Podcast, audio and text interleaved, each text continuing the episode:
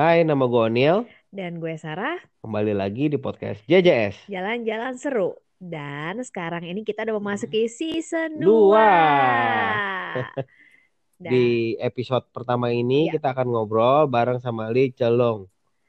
halo Li, apa kabar? Halo Sarah, halo Onel, Halo, halo. halo. Nah, Li ini nih eh, salah satu teman kita yang hobinya naik gunung. Iya, traveling sambil naik gunung. Coba. Iya. Ini susah nyari temen yang suka naik gunung aja susah. Ini naik gunung dan traveling. Langsung biar capek gitu. Wah, Orang mah traveling mau nyantai ya, gue mah capek ya. iya, itu fisik sih mesti kuat banget sih. Iya banget. Gue nyerah. Ya, orang, orang, orang ngapain nih mau ngajak aja udah udah males, udah kayak tahu bakal ditolak gitu. Tapi mesti coba. Kalau belum coba kan belum Iya. tahu. Maybe one Iya day, kan? one day. One day ya. Hopefully. nah, nah Li, jadi cerita sedikit dong tentang hobi lu naik gunung nih. Boleh di-share nggak nih sama temen eh, sama teman-teman pendengar? Udah pernah ke mana aja? Udah pernah eh, Naik gunung mana naik aja. gunung mana aja? Oh, oke. Ah, sebenarnya gue kalau dibilang ah, sering naik gunung sebenarnya enggak. Cuman memang ah, mulai kayak tiga tahun belakangan ini gue udah mulai kayak mau rutinin gitu loh. Jadi kayak setiap setahun sekali gue mesti naik gunung nih.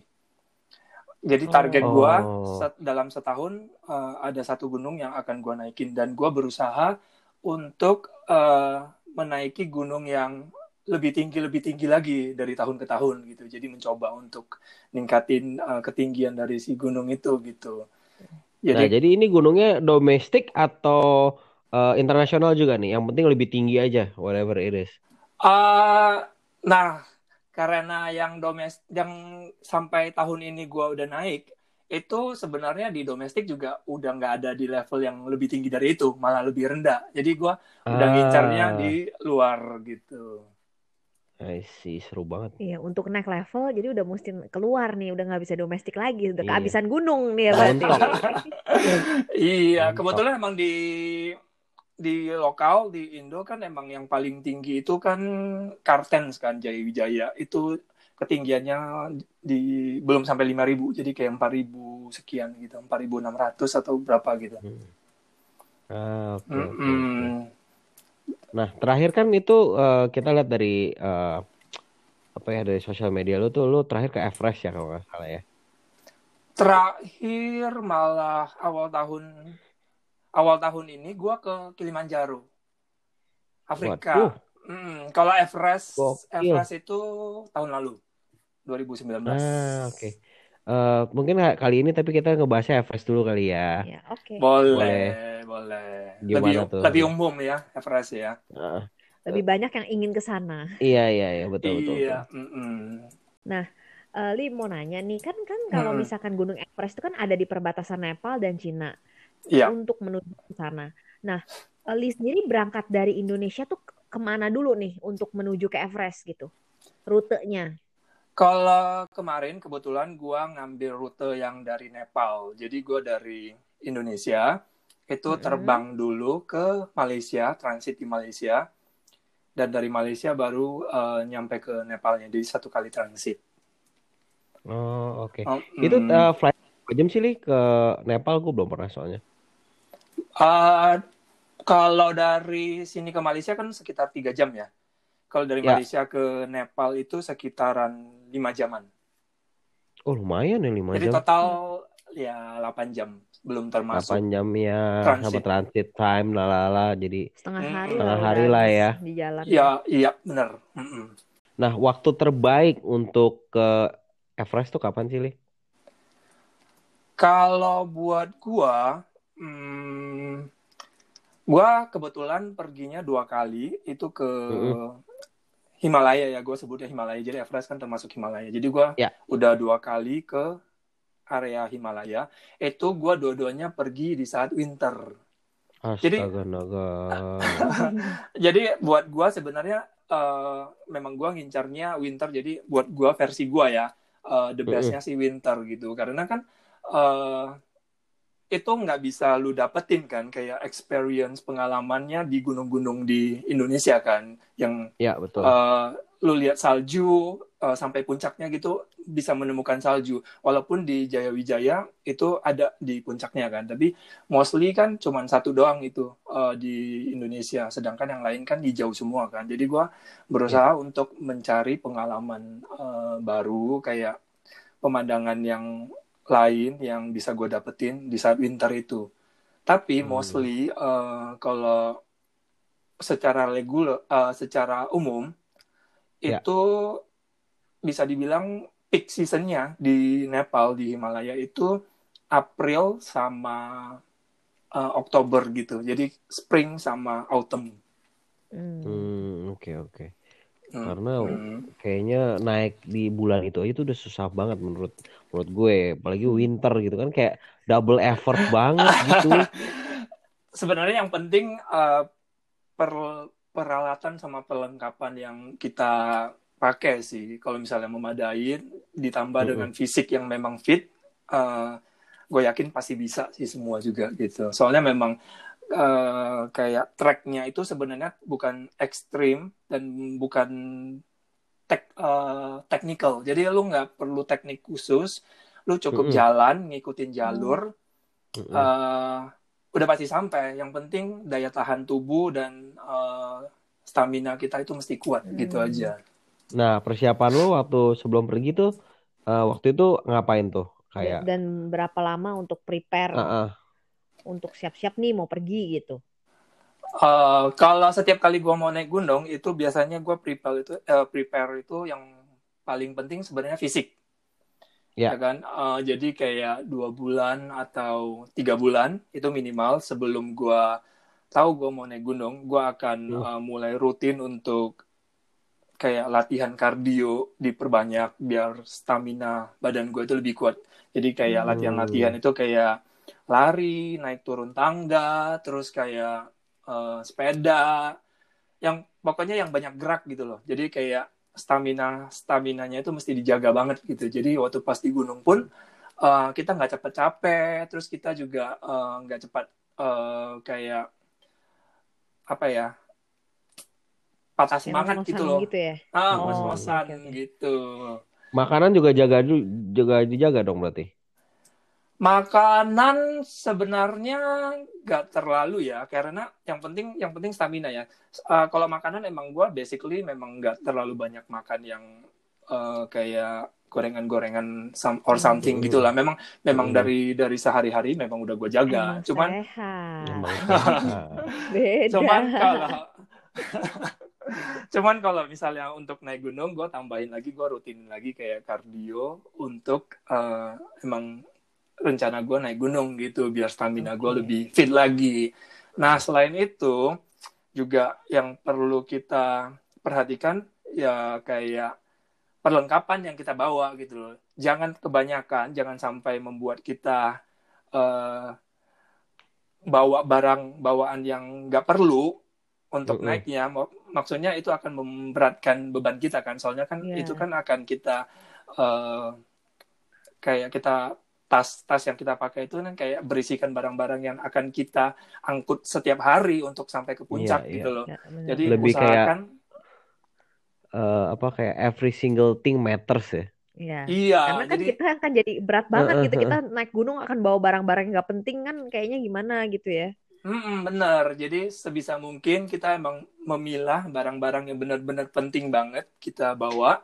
Terus uh, se seefisien mungkin kayak kita bisa bawa seefisien mungkin sesedi sesedikit mungkin tapi emang yang perlu aja gitu kayak hmm. baju misalnya ya nggak nggak tiap hari juga kita ganti kan jadi kayak yeah, bisa yeah, buat yeah. dua hari atau tiga hari gitu hmm. satu baju gitu maksudnya bisa kita pakai dua sampai tiga hari gitu oke okay. nah li um, gue pernah baca ya katanya tuh kalau uh, orang mau naik gunung apalagi maksudnya uh, Himalaya gitu ya katanya tuh mesti melampirkan sertifikat kesehatan. Itu bener nggak sih kayak uh, harus ada sertifikat itu dan kayak uh, katanya kan itu juga nanti berhubungan dengan uh, altitude sickness gitu loh. Jadi kayak itu gimana sih sebenarnya? Bener nggak sih gitu? Oh kalau selama dua kali gue pergi sih nggak ada uh, pengecekan kesehatan ya. Cuman Hmm. mungkin eh, perlu kesadaran dari diri kita sendiri aja. Maksudnya kita Hmm. eh ngejaga lah gitu. Jangan pas kita ngerasa kita kurang sehat, kita paksain untuk kita naik gitu loh. Hmm, ya, ya, ya. Kan sayang juga kan, maksudnya sampai ke sono juga kita sampai setengah jalan atau misalnya baru mulai pun kita udah sakit. Terus eh, antara sayang kita udah ngeluarin waktu dan eh, biaya untuk kita pergi dan kita juga kayak eh, bisa dikatakan membebankan anggota-anggota yang lain yang ikut kita pergi kan gitu Oh loh. iya, Iya, iya karena kan benar. tim ya pasti ya. Iya, benar. Jadi Ya. sebisa mungkin kita juga ya sadar gitu loh. Kalau misalnya memang kurang sehat ya mungkin bisa di plan untuk next time atau apa gitu. Hmm, Gitu. Oke, oke. Oke. Nah, Li, balik lagi nih untuk eh, kayak peralat essentialsnya lah untuk naik gunung ya, kayak Mhm. ke Himalaya itu. Eh, boleh nggak di-share sedikit apa sih yang kayak yang Mas, emang nih harus dibawa gitu, yang nggak Yang penting apa sih harus. juga apa? Heeh. Kalau gue, kalau gue paling penting tolak angin. Itu kayak semua orang Indo kalau ke Twitter deh. foto ya. Ini Iya, di ngomong ini. itu esensial banget buat gue. Sebenarnya bukan bukan cuman buat ke gunung aja sih ke mana pun selalu bawa sih Iya ya. sih, betul betul betul. Ini bukan jualan yang- loh. Ini bukan Iya ya, jualan. pokoknya yang mungkin kita bakal kena angin, masuk angin udah bawa aja deh ya.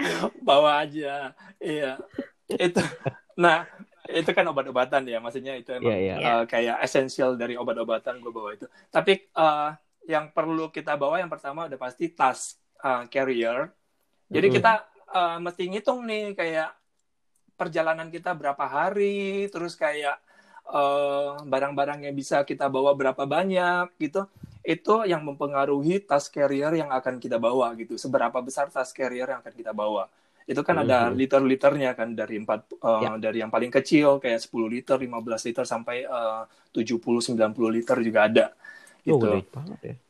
Mm-mm. Jadi uh, gua kemarin ke Everest itu bawa yang 70 liter. Karena di sana itu uh, total total totalnya itu 11 hari perjalanan. Uh, itu 11 hari perjalanan itu maksud gua dari mulai start jalannya. Ya. Maksudnya dari mulai start uh, gua bawa carriernya itu 11 hari jadi kayak tujuh hari naik, empat hari tu- turun gitu. Dan Tujuh hari. Naik. tujuh Oh. hari naik, iya tujuh hari naik, empat empat hari turun turun, ya benar. Nah barang-barang yang gue masukin di tas carrier itu yang paling yang paling utama itu yang pasti gue bawa long john karena karena kan Winter. eh, winter kan, jadi eh, tetap yang pasti gue akan selalu sediain long john itu dari dari yang paling tipis sampai yang paling tebal. Jadi gue bawa tiga set. Oh, jadi beda-beda nih ukurannya nih. Eh, Eh, bukan, ukuran apa ketebalannya? Ketebalannya. Heeh. Jadi dari kita dari start kan itu nggak nggak langsung ketemu salju kan. Jadi kayak pasti kan eh, Pakaian tipis dulu. mm-mm, pakai yang tipis dulu. Soalnya kan itu masih ngelewatin kayak rumah-rumah orang, kayak masih hutan-hutan gitu dan terpapar sinar mataharinya juga lumayan kenceng kan. Jadi Oh, pakai yang tipis dulu gitu. Bahkan eh, hari pertama itu ya bisa nggak pakai juga nggak pakai dulu gitu long johnnya. Jadi tergantung dari sikon gitu waktu pas sampai sono. Hmm. Kira-kira lu ngerasa dingin gak sih gitu? Nah, Nah, cuman selain long john itu yang pasti mesti nyediain jacket eh, windproof. Jadi jacket yang emang dipakai untuk sehari-hari pas siang itu yang Hmm. nggak terlalu tebel, yang nggak terlalu bikin keringat, tapi yang eh, tahan angin gitu loh. ya soalnya kan kalau udah dingin kena angin tuh lebih, udah semeriwing. Iya, tapi eh, jadi jaket juga itu bawa eh, beberapa ketebalan. Jadi dari yang Oh, tipis, oke. yang sedang sampai yang paling tebal. Pokoknya intinya eh, karena itu winter, jadi gua selalu nyediain dari tipis sampai tebal. Jadi selama perjalanan itu eh, yang paling tebal akan dipakai buat Di atas. pas hari H untuk puncaknya gitu aja. Oke.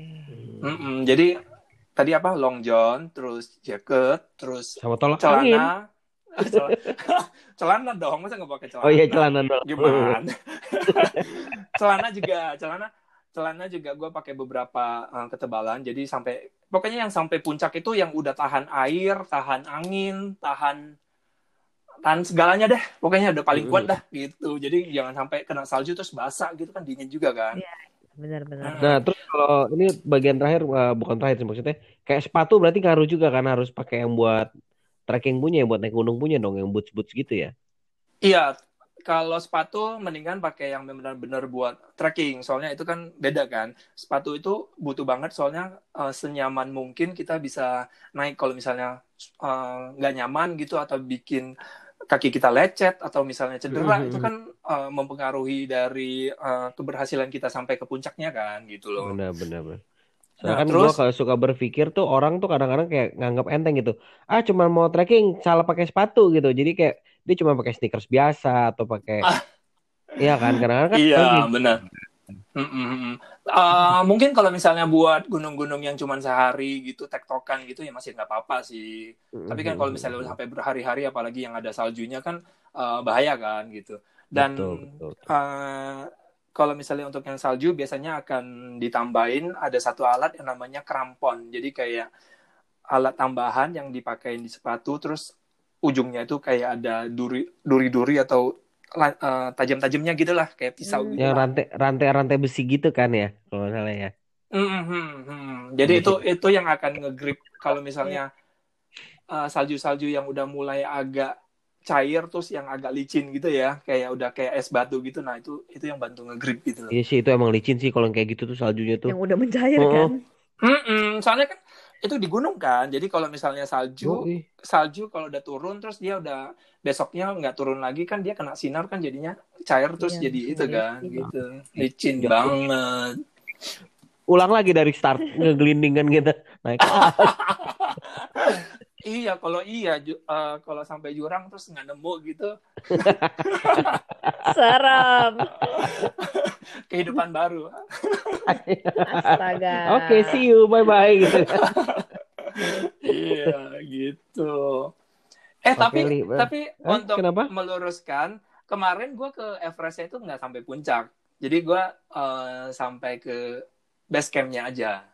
Ah, oke oke oke oke. Hmm. Iya emang eh, yang gue dengar cerita dari banyak teman-teman gue juga yang suka naik gunung, dia bilang nggak segampang itu, gue cuman sampai base camp doang, nggak nyampe atas katanya. Iya. Mm-mm, Jadi jangan jangan nanti pada pada mikirnya gue sampai atas sampai puncak. Belum sih. Itu nanti sih impian gue ke depannya. Li, ceritain dong keadaan saat eh, ada di sana dari mulai nyampe sampai mulai pendakian tuh gimana sih? Oke, jadi tadi kan kita naik pesawat nih dari Indo ke Nepal transit melalui uh, Malaysia, ya kan? Mm-mm. Jadi sampai ke Nepal itu nanti ke ibu kotanya namanya Kathmandu. Nah, Ya. di sana itu biasanya memang orang-orang akan istirahat di sana dulu sehari gitu. Jadi sebelum memulai eh, pendakian, biasanya orang akan keliling keliling kota dulu atau mungkin ya sekedar istirahat aja gitu, nyesuaiin eh, suasana. Atau buat orang yang peralatannya belum terlalu lengkap, itu bisa juga nyari di kotanya. Soalnya kotanya itu lumayan lengkap eh, untuk peralatan pendakiannya. Soalnya kan itu Wih. emang kota pemberhentian sebelum orang semuanya naik gunung kan. Jadi emang si- di kotanya itu banyak banget uh, brand-brand terkenal, brand-brand luar yang even nggak ada di sini pun itu ada semua di sana. Jadi marah mereka buka retail store di sana ya banyak ya. Iya benar. Jadi semua brand itu mostly ada di sana dan harganya lebih murah dari Indo. Hmm. Harganya itu bisa jauh lebih murah kayak setengah harga gitu kayak brand-brand yang Gokil setengah sih. Berarti kita Mm-mm. bisa berangkat eh, berangkat nyampe sana beli langsung mendaki juga bisa ya berarti ya? ya kalau nekat sih bisa. kalau nekat bisa. Kalau nekat, punya-. Eh nggak usah Uh-uh. lengkap banget gitu ya nggak bisa. bawaannya. Kalau nanti jaket kamu pink, celana kamu kuning, sepatu kamu hijau gimana? Jadi kelihatan di foto. mungkin kalau suggest gue kalau suggest gue mungkin eh, nggak semua juga ya jadi emang mostly emang yang kayak esensialnya udah ada di kita kayak sepatu terus jaket yang benar-benar nyaman buat kita yang udah pernah kita cobain atau mungkin eh, at least kita udah uh, pernah pakai lah gitulah. Pernah cobain gitu ya, udah tahu oh ini emang beneran tahan nih gitu ya. Mm-mm, atau emang yang udahnya agak nyaman di, di kita gitu loh. Hmm. Jangan sampai nanti setengah jalan terus nggak nyaman kita malah jadi repot kan gitu. Oh, benar jadi, juga ya. Jadi mungkin yang yang beberapa barang yang emang di sini susah dicari itu bisa di sono aja gitu. Kayak krampon hmm. yang tadi gue bilang itu itu kan pendukung kan untuk di di hmm. bawah sepatu daripada kita bawa-bawa dari sini terus tajam-tajam gitu mesti dibungkus lagi terus mesti uh, lewat bagasi gitu kan agak ribet kan. Dan ditanyain juga ya bagasi. Mm-mm, jadi mendingan beli di sono gitu. Toh di sono juga ada yang dari murah sampai yang mahal. Itu tergantung uh, pilihan kita aja. Nah itu uh, sekedar di kota. Jadi di kota itu pokoknya lengkap deh peralatan uh, pendakian. Kita bisa istirahat, kita bisa makan. Itu juga banyak di sono. Tapi mm-hmm. uh, kondisi kotanya itu berdebu. Jadi jangan kaget sampai sono kalau misalnya ngelihat jalanan itu kayak debuan semua gitu asal ada mobil lewat atau misalnya orang lewat gitu pasti ada debunya gitu soalnya hmm. emang kotanya cukup berdebu di sana hmm. jadi uh, disarankan mau uh, kita kayak bawa buff lebih buff itu yang kayak penutup uh, apa ya hidung sama mulut gitu loh biar oh, biar iya, lebih iya. aman aja gitu nafas kita jangan sampai di kota tiba-tiba saluran pernafasan kita udah udah nggak bagus terus ke gunungnya malah jadi ini kan jadi uh, kayak uh, apa ya. nggak fit nggak fit kitanya hmm. gitu. Nah dari Kanmandu udah kita istirahat sehari itu besoknya uh, naik pesawat lokal pesawat kecil. Oh naik pesawat lagi nih jadi kalau untuk ke Himalaya-nya? Kalau ke Everestnya jadi tergantung oh. nih, tergantung kita mau ke arah mana. Jadi dia kan beda-beda. Kalau ke Everest itu kalau nggak salah ke agak timurnya Nepal, itu oh. emang kita mesti naik pesawat uh, untuk sampai ke kota uh, um, uh, untuk mulai pendakian itu dari kota yang itu, dari kota yang kita naik pesawat itu nanti. Pesawat kecil berarti pesawat baling-baling dong. Pesawat baling-baling benar. Nah, Hai. Nah, menariknya juga itu kan kita pesawat uh, domestik kan, pesawat baling-baling dan itu cuman kayak 30 menit doang perjalanan emang. Tapi 30 menit bisa berasa lama itu, Bro. Ini karena kita naik pesawat baling-baling, tapi seru dan nah itu uh, kita naik pesawat baling-baling itu kan kayak ini kan, ya sempit lah kayak kayak metro mini lah bisa dibilang gitu, cuma buat belasan orang kan soalnya. Iya, kan. iya. Terus barang bawaan kita juga maksimal cuma diperbolehkan satu orang 15 kilo.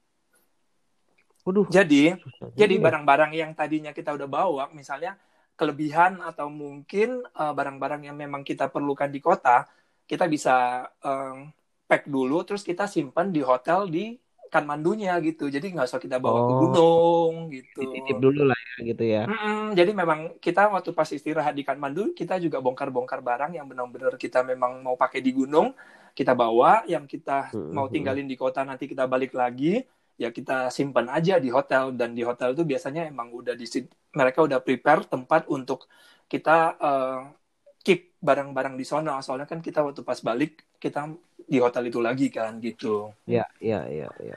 Nah, jadi barang yang kita bawa cuma 15 kilo uh, kilo. Nah, serunya lagi kita naik pesawat baling-baling itu itu mm -hmm. kita nanti akan mendaratnya di salah satu bandara yang uh, disebutnya adalah salah satu bandara terekstrim di dunia. Kenapa? Nah, kenapa terekstrim? Karena mm -hmm. itu bandara walaupun dia di ketinggiannya sebenarnya nggak tinggi-tinggi banget, itu ketinggiannya kayaknya 2500-an. Tapi yeah. bandaranya itu termasuk kecil banget. Soalnya landasannya itu kurang dari uh, setengah kilo gitu. Jadi landasan iya. landasannya itu cuman kayak 5 500 meter dan mm -hmm. itu ujungnya jurang gitu. Oh kan ujung-ujungnya sampai jumpa di kehidupan lain lagi tuh. Onil makin takut nih. Nah, nah naik pesawat itu jadi setiap setiap kali uh, mau landing sama setiap hmm. kali mau take off itu pasti orang-orang pada berdiri gitu terus kayak rebutan di paling depan terus buat videoin gitu soalnya kita akan Mungkin salah satu video terakhir mereka soalnya gitu kan. Amit amit. soalnya kan itu kayak kita udah tahu nih oh ini the the, the most extreme uh, airport in the world gitu kan. Kan adrenalinnya terpacu juga kan pengen lihat apa sih? Tapi emang waktu pas kita udah turun gitu kan terus kita ngeliat emang landasannya itu kayak pendek banget. Jadi kalau misalnya pesawat mau lepas landas itu nggak ada yang yang yang kayak aduh nggak jadi deh muter lagi itu nggak bisa. Jadi kalau bablas ya bablas gitu ya. Ah, jadi kalau mau mau mau mau lepas landas ya sampai ujung ya udah mesti terbang gitu. Kalau nggak ya jatuh ke bawah aja gitu. Anjir. Serem banget. dan dan landasannya itu nggak lebar-lebar banget. Kayak kayak cuma muat dua pesawat gitu lah gitu. Dan tapi mereka nggak bisa kayak kalau landing ya landing gitu. Nggak bisa ada yang landing terus ada yang take off juga nggak bisa Mesti gantian lah intinya kan berarti. iya. Astaga Dan- Tuhan. dan itu juga part of serunya di sono gitu jadi orang-orang yang mengincarnya juga pingin nyobain nyobain itu tapi eh, tadi tadi kan eh, gua bilang kan kalau kita naiknya itu di di Himalaya eh, di Everest itu kan kayak 11 hari kan Ya. 11 hari tapi eh, kalau misalnya total total itu kita naiknya kan kayak eh, kita di sononya itu spend kayak 15 hari lah ya bisa dibilang 15 hari Eh, make sure kita juga kayak mesti spend waktu lebih gitu buat yang Mhm. kejadian eh, buat kayak eh, transportasi ini transportasi si pesawat ini eh, Mhm. kalau misalnya cuacanya lagi nggak bagus itu kita nggak bisa terbang gitu jadi nggak bisa kayak Hmm. kita maksain oh besok mau terbang eh ternyata cuacanya nggak bagus ya kita nggak bisa mesti nunggu lagi besok gitu. Oh, dan jadwal Hmm. pesawat yang terbang ke airport yang tadi gue bilang itu yang nama airportnya itu Tenzing Hillary itu cuman sampai siang doang. Jadi dari pagi sampai jam 12-an gitu deh. Udah. Habis itu nggak ada penerbangan lagi. Wadaw. soalnya semakin uh, sore itu uh, cuacanya semakin unpredictable kan. Jadi semakin Hmm. bahaya Hmm. gitu jadi mereka cuman menyedia- menyediakan penerbangan dari pagi sampai siang doang gitu. Dan itu juga kita mesti lihat cuaca gitu. Kalau misalnya cuacanya nggak bagus ya nggak bisa terbang gitu aja. Jadi kita mesti spend spend waktu di sononya gitu. Tapi kalau misalnya kita udah nyampe di bandara itu di Tenzing bandara Tenzing Hillary itu di kota Lukla Mm-mm. itu ya udah safe. Kita udah bisa mulai mulai pendakian kita itu dari kota itu jadi kita start Oh. dari bandara jalan kaki udah Heeh. udah udah dibilang start gitu pendakian Oke oke. Nah Hmm, itu jadi- eh, berarti di sana ada pemandu, pemandu profesionalnya dong kayak ada guide profesionalnya dong eh, untuk naik gunung eh, Himalaya itu. Apakah lu sendiri atau gimana? Sebenarnya sendiri bisa cuman kebetulan eh, kemarin gua eh, pakai guide. Itu gua juga pakai pakai guide lokal gitu. Jadi memang orang orang Nepalnya dan por- dan beberapa porter yang ngebantu untuk eh, bawain eh, apa ya kayak barang-barang yang lebih berat gitu loh. Jadi kita bawa barang bawaan kita kayak baju or something gitu. Nah porter itu bawain kayak kalau misalnya kita perlu sleeping bag atau mungkin bawain uh, lain-lain yang lebih berat gitu loh yang yang nggak membebankan diri kita gitu Oh jadi porter ikut daki gunungnya nih? ikut porter tuh Astaga enak banget hidupnya. Ya enggak lah berat tahu. Bukan nggak maksudnya kita tuh lumayan gitu kan dibantu porter gitu Oh loh. iya. iya Nah, Li dapat dapat guide ini dari dari Jakarta udah cari atau da- di sana baru nyari? Nah kebetulan gue kan pakai ini kan ekspedisi kan jadi ekspedisinya itu emang ekspedisi uh, dari Indonesia dari Jakarta Oh, Oke. Uh, jadi gua sama tim juga memang berangkatnya dari Jakarta semua.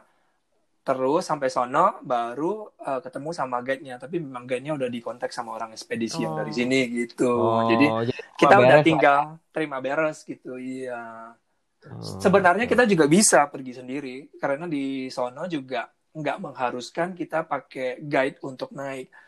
Uh, soalnya ada beberapa gunung komersial di luar emang yang mengharuskan kita mesti pakai guide nih kalau misalnya nggak pakai guide nggak bisa naik gitu kalau di Hmm. Nepal sendiri itu eh, nggak ada aturan begitu jadi sebenarnya kita bisa naik sendiri cuman eh, setelah gua hitung-hitung gitu kayak biayanya gua pergi sendiri terus gua pakai ekspedisi nggak nggak jauh beda gitu jadi mendingan gua terima beres aja gitu kan daripada Iya. gua Benar, benar daripada gua- pusing ya. juga. Ya kan, daripada gua aman ribet-ribet lagi di sono dan eh, satu satu hal yang menguntungkan kalau misalnya eh, udah di arrange gitu itu kan kita pakai orang lokal kan buat guide sama porter-porternya kan jadi Iya. kayak kita kan naik nih ke gunung nih nah kita waktu pas eh, berhenti istirahat untuk nginep itu kan di ada ada namanya tea house gitu kan emang kayak gubuk-gubuk kecil jual Hmm. makanan dan Hmm, buat hmm. kita tidur gitu. Nah, kalau di uh, musim-musim yang peak season gitu, itu uh, sering kali penuh gitu. Jadi kayak kita nggak tahu nih misalnya kita udah planning mis- uh, dari A ke B gitu kan misalnya uh, Hmm. di di plan kita kan. Nah waktu sampai B itu ternyata lodge-nya penuh gitu. Mau nggak mau kan kita mesti naik lagi ke C kan, atau kita turun lagi ke A gitu. Jadinya kan agak ribet gitu kalau misalnya Hmm. ketemu hal Oh, seperti itu.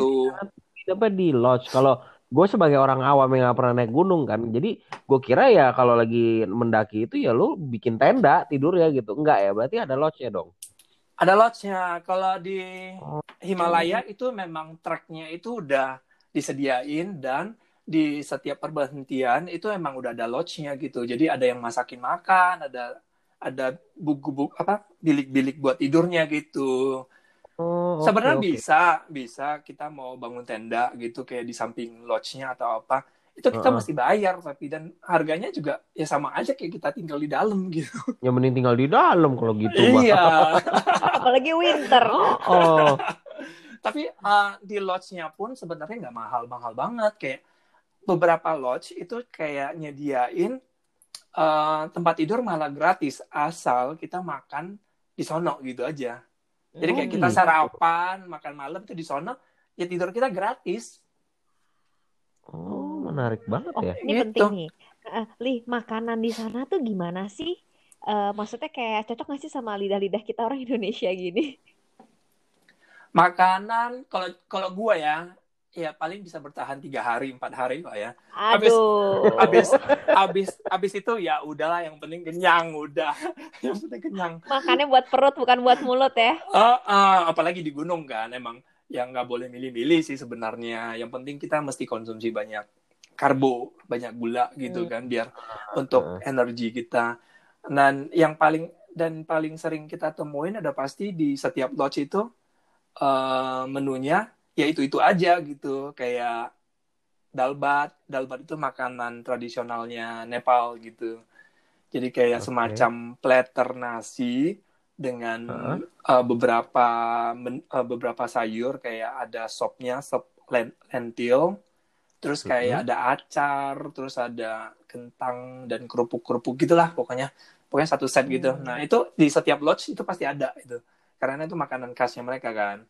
Oh. terus uh, selain itu juga di lodge itu nyediain apa ya mie juga ada mie instan.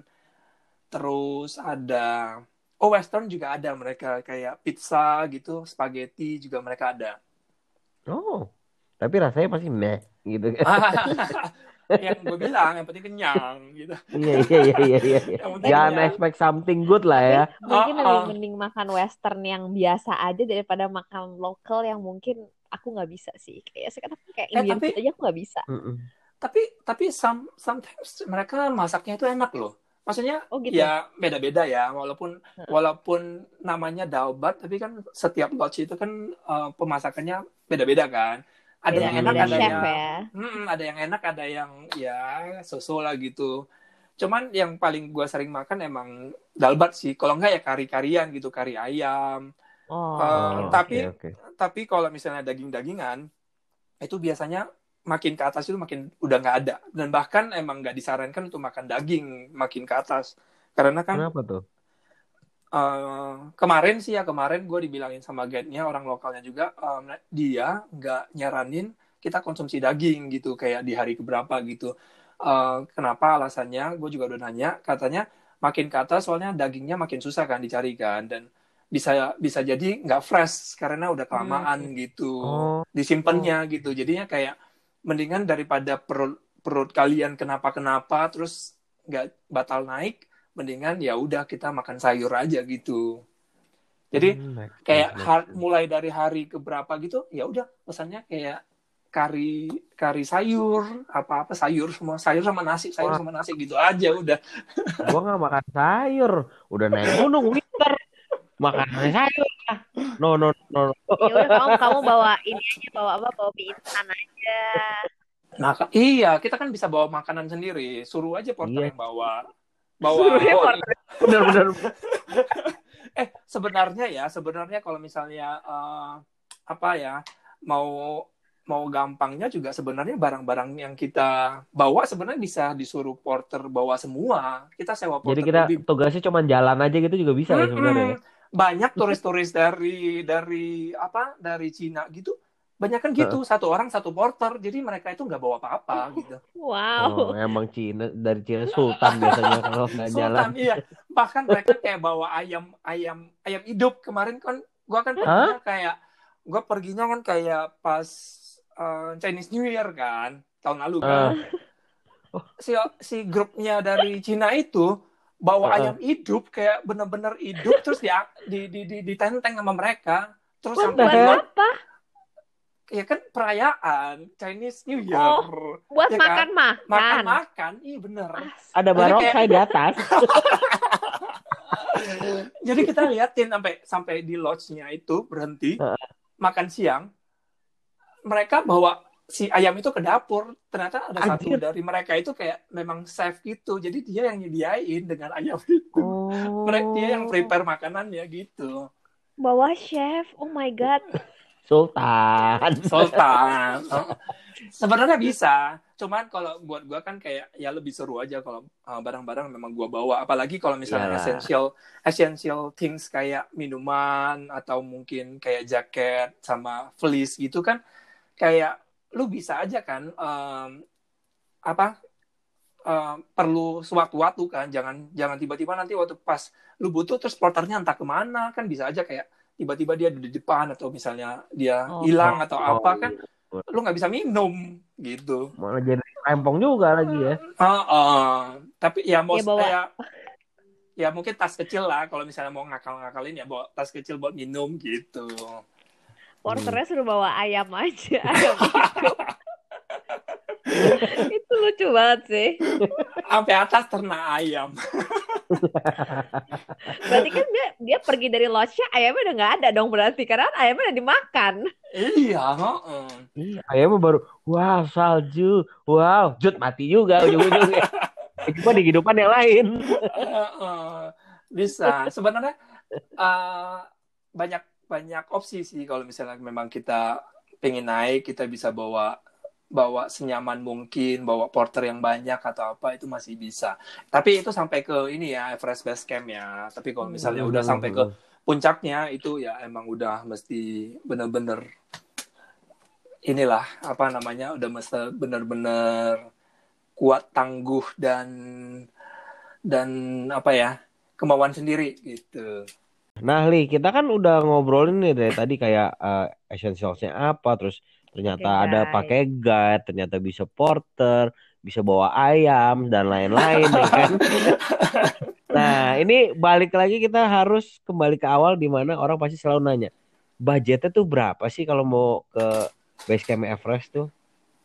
Kira-kira? Oh, kira-kira menurut gue sih nggak terlalu mahal ya. Maksudnya masih affordable lah karena di Nepal sendiri itu dari segi makanan, dari segi uh, apa namanya ke, kebutuhan sehari-hari itu memang nggak terlalu mahal. Ke, uh, hmm. Tahun lalu gua ngambil paketnya itu udah include uh, penginapan, terus udah include kebutuhan makan, akomodasi, terus kayak pokoknya segala keperluan hidup kita di gunung mm-hmm. sama apa ya sama akomodasi juga di kotanya itu kayaknya berapa ya kurang dari 15 kayaknya sekitar 15 kurang. gitu deh Oh, ini di luar uh, plan tiket berarti ya Indonesia mana itulah ya. Iya, di luar dari tiket. Tapi itu udah termasuk tiket domestiknya, tiket domestik Ya, yang tadi cuman. Indonesia ke sana aja kan berarti. Iya. mm-mm. Nah, di sana butuh visa nggak kita? Visa perlu, tapi kita bisa apply on arrival. Jadi emang emang di airportnya itu ada counter untuk pembuatan visanya gitu. Hmm, oke oke. Itu visa kena berapa li? Ingat nggak? eh dia ada dua dua apa dua tipe yang 15 hari Mm-mm. dan 30 hari. Jadi kemarin gua ke Everest karena totalnya 15 hari, gua ngambil yang 30 hari itu sekitar 50 dolar kayaknya. Hmm, oke. Berarti roughly USD 800 USD. ribu lah ya. Mm, 800 lima- ribuan. Terus 15-an. Sekitar 20-an lah ya. Cukup ya berarti ya? Apa nggak cukup? Em, iya, 20-an cukup lah. 20-an 20-an cukup ya? Mm-mm. Hmm, oke oke. Tiket, Tuh. tiket. Kalau-? Eh, kalau tiket pesawat dari dari Jakarta ke Nepal, kalau misalnya kita bisa dapat murah, itu kayak 4 jutaan, 3 jutaan PP bisa loh. Oh ya? Mm-mm. Udah Kalau misalnya dapatnya murah. mahal. Udah kayak ke ini. Ke Sumba lebih mahal. Bener, gue belum pernah ke Sumba. Sumba lebih mahal. Kalau mata uangnya apa sih Li di sana dan itu bisa nuker dari sini atau mendingan narik di sana atau tuker di sana?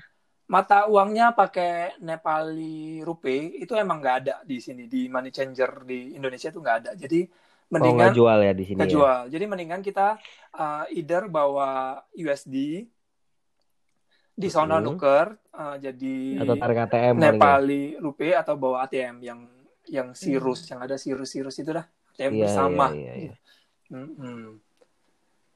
Dan Oke. dan gue sih terakhir-terakhir sih lebih uh, banyak kan narik ATM karena rate-nya itu lebih murah malah Masuk daripada akal.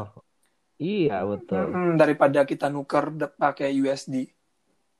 Kita sekarang akhir-akhir ini juga kalau pergi udah jarang banget sih nuker duit selalu narik ATM kita. Lebih bagus Mm-mm. rate-nya juga. Nggak nggak beda jauh dan sekali narik cuma beda dua puluh lima ribu ya udahlah ya gitu kan. Oh, oh, oh, benar-benar gue juga terakhir-terakhir le- lebih banyak pakai ini aja ATM aja gitu. Hmm. Nah, Lih, eh, kan lu udah dua kali nih naik ke Himalaya ke base camp eh, Everest. Eh, share sama kita dong your most memorable moment dong eh, di antara dua trip itu apa sih gitu? Um, kalau gue pastinya ya itu salju itu karena memang gue uh, dari pertama emang pingin ngelihat salju di di sono kan di gunung-gunung Mhm. kan yang nggak bisa gue dapetin di gunung-gunung di Indonesia jadi kayak apa ya ya kayak di film-film gitu jadi kayak sampai ke atas terus disuguhi pegunungan yang Mm-mm. putih semua dan yang lu injak juga putih gitu dan itu like amazing sih buat gue ya maksudnya kayak lu duduk terus kayak ngelihat ada ada burung-burung lagi terbang-terbang terus dengan pemandangan bentangan pegunungan Himalaya yang putih semua itu buat gue itu sih sesuatu banget sih kayak ada gue terharu lah pokoknya sampai sono kan gitu Gokil itu- kan? Abis itu gokil banget emang bener itu kayak Am- apalagi sampai sono itu sampai atas itu kan udah ngos-ngosan udah capek Iya. udah udah nggak mandi lagi kan kayak oh, udah udah bau-bau apa dah nggak tahu dah tapi Pokoknya terbayar lah ya intinya semua capek itu terbayar ya. kan, mm-mm, dengan pemandangan itu kayak aduh gila sih ini ini ini nih kenapa tujuan gue untuk naik ke atas itu ini nih gitu Pagi sambil duduk minum teh sama tolak angin kan. bener bener Enak banget tuh. ya itu Tapi jadi es teh karena dingin. Eng- Enggak dong, makanya langsung diseruput, jangan difoto-foto dulu buat story.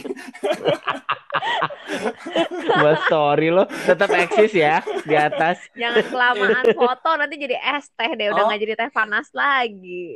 Benar.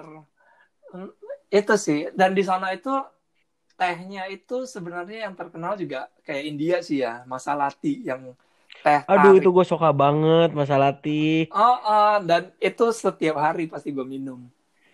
Oke. Itu kan I might ada- think to go because of the tea, you know. Mm-mm. Apalagi ini kan kayak dingin kan, lu makan itu kan kadang masalah kan ada ginger-gingernya juga kan. Iya iya iya. Iya, iya. Jadi kayak anget gitu setiap hari. Oh masalah tea, masalah tea udah pasti. Oh my god, jadi pengen. Gue doyan, gue beneran doyan banget masalah tea soalnya. Pasti Gue India doyan. tiap hari minum. Setiap hari tuh kalau pagi gitu, abis dari hotel langsung ke mana cari masalah tea dulu. Gue pasti gitu kalau di India. Gue suka Oh. banget. Nah itu reason lu untuk naik gunung kayaknya boleh deh. Ya makanya I might think of it. Tinggal bawa Indomie, terus bawa apa ya? Iya, Bawa Indomie Oh, suruh teri, orangnya hmm, bawa teri, bawa rendang gitu kan. Udah suruh porter bawain. bener. Enak banget loh. Itu aku suka banget kalau dia udah ngomong kayak gitu. Kayak, udah tinggal suruh porter. eh, ayam aja bisa dibawa, Beb. Chef aja bisa ikut ke sana. Kalau kamu cuma mau keringan-keringan, rendang sama Indomie mah gampang. Oh, oh, kapan lagi kan makan rendang terus bentangan Himalaya di depan gitu. gitu. Tapi jangan Oke. lupa olahraga dulu. Nah, itu susah. That's the part for me. Itu yang Nah, pikir Hmm. eh, sebelum kita tutup, ada Hmm. nggak tips and trick untuk untuk teman-teman kita yang mau pergi ke sana? Oke, tips and triknya. Kalau saran gua men- eh, mungkin bisa cobain apply asuransi dulu sebelum ke sana buat jaga-jaga Heeh. ya. Maksud gue kayak kemungkinan untuk menghindari ke- kemungkinan terjadi hal-hal yang kita nggak inginkan di gunung gitu. Kayak misalnya nih kita sakit perut atau mungkin cedera gitu sampai tengah jalan. Itu kan kayak eh, either either kita mesti stay di sono untuk lanjut atau turun kan. Mm. Kalau misalnya memang kita sanggup untuk turun, ya mungkin itu hal yang baik. Tapi kalau misalnya kita nggak sanggup pun untuk turun, itu kan mau nggak mau kita mesti kayak nyewa helikopter kan untuk Anjir. untuk jemput kita kan. Iya iya iya. Iya, jadi untuk eh, meminimalisasi eh, biaya-biaya yang lebih gede lagi ke depannya, mungkin Heeh. kita bisa apply asuransi dulu sebelum kita berangkat. Dan asuransi yang paling eh, umum itu yang umum digunakan oleh pendaki-pendaki itu biasanya itu World of Nomads namanya. Hmm. Oh itu jadi ada uh, insurance khusus buat orang-orang naik gunung ya? Sebenarnya dia insurance-nya bisa buat apa aja untuk travel, untuk apa-apa. Tapi Ah, tapi uh, World of Nomads itu salah satu yang bisa dibilang punya nama baik uh, untuk responnya gitu. Jadi kayak misalnya lu sakit nih gitu, Uh, lu butuh butuh evakuasi atau butuh apa, mereka responnya cepet dan langsung datang gitu. Hmm, nice. Gitu. Dan uh, harganya juga menurut gua sih nggak terlalu mahal ya. Maksudnya nggak sampai yang uh, puluhan juta gitu. Tergantung dari Hmm. hari kita berapa hari kita di gunung dan ketinggian gunung yang akan kita tuju itu. Oh itu akan ngaruh ke harga dan uh, ininya ya berarti ya.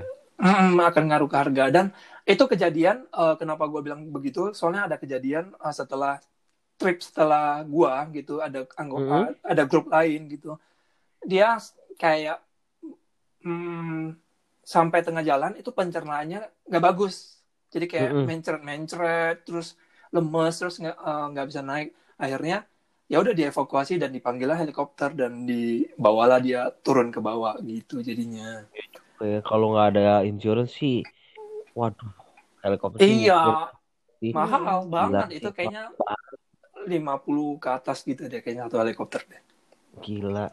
Gitu. Gara-gara cuman gara-gara Oh. dia nggak buka angin.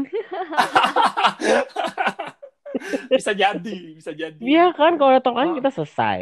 Eh, Heeh. podcast ini jadi sponsor. Sponsor ya, masukin sponsor Kita ya. open kok kalau mau disponsorin.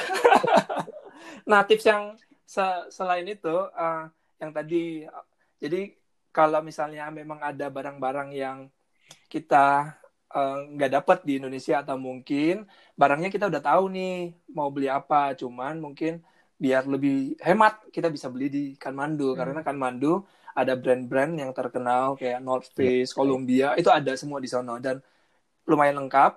Terus harganya bisa setengah harga lebih murah daripada di Indo Hmm. gitu. Jadi Ya soalnya to be honest, North Face di Indo sih harganya very lumayan sih menurut gue kalau Iya. dibanding di luar ya. Mm-mm. Lumayan, Mbak.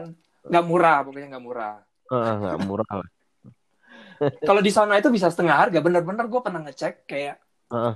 tipenya sama, gue udah beli di sini, terus gue ngecek di sana, ya setengah harga, ya udahlah. Iya. Nah, itu kayak penyesalan-penyesalan nggak penting sih kayak kita suka iseng kan emang kan kalau beli barang gitu kan. Di sini berapa sama. sih? Itu lebih murah kan dalam ya kalau kayak gitu. Oh, oh, benar benar makanya ya ya at least maksudnya barang-barang yang memang ya memang kita perlu ada yang itu kita bisa beli di sana jangan tapi jangan jangan di sini cuma bawa diri terus di sana beli tas beli apa ya adanya juga repot sih Pokoknya yang kita udah punya kita kita bawa aja. Tapi kalau yang kurang-kurang sedikit di sana masih oke untuk dilengkapin gitu ya. Mm-mm. soalnya kan belanja juga perlu waktu kan kita Bener. kita kita nggak bisa kayak ekspres belanja belum lagi belanja kan capek kan masa kita capek di belanja terus naik gunungnya udah tetot gitu Iya iya benar benar benar benar. Belanja Oh. kayak nggak capek deh. masa Kamu. gitu itu sih tipsnya Ah nice nice nice.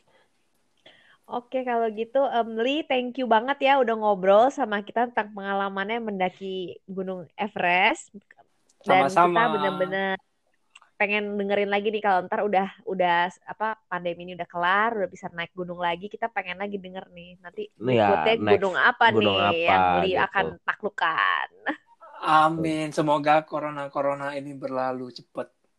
Betul. Gila sih, gue udah pingin banget sih naik naik gunung lagi ini. Ada.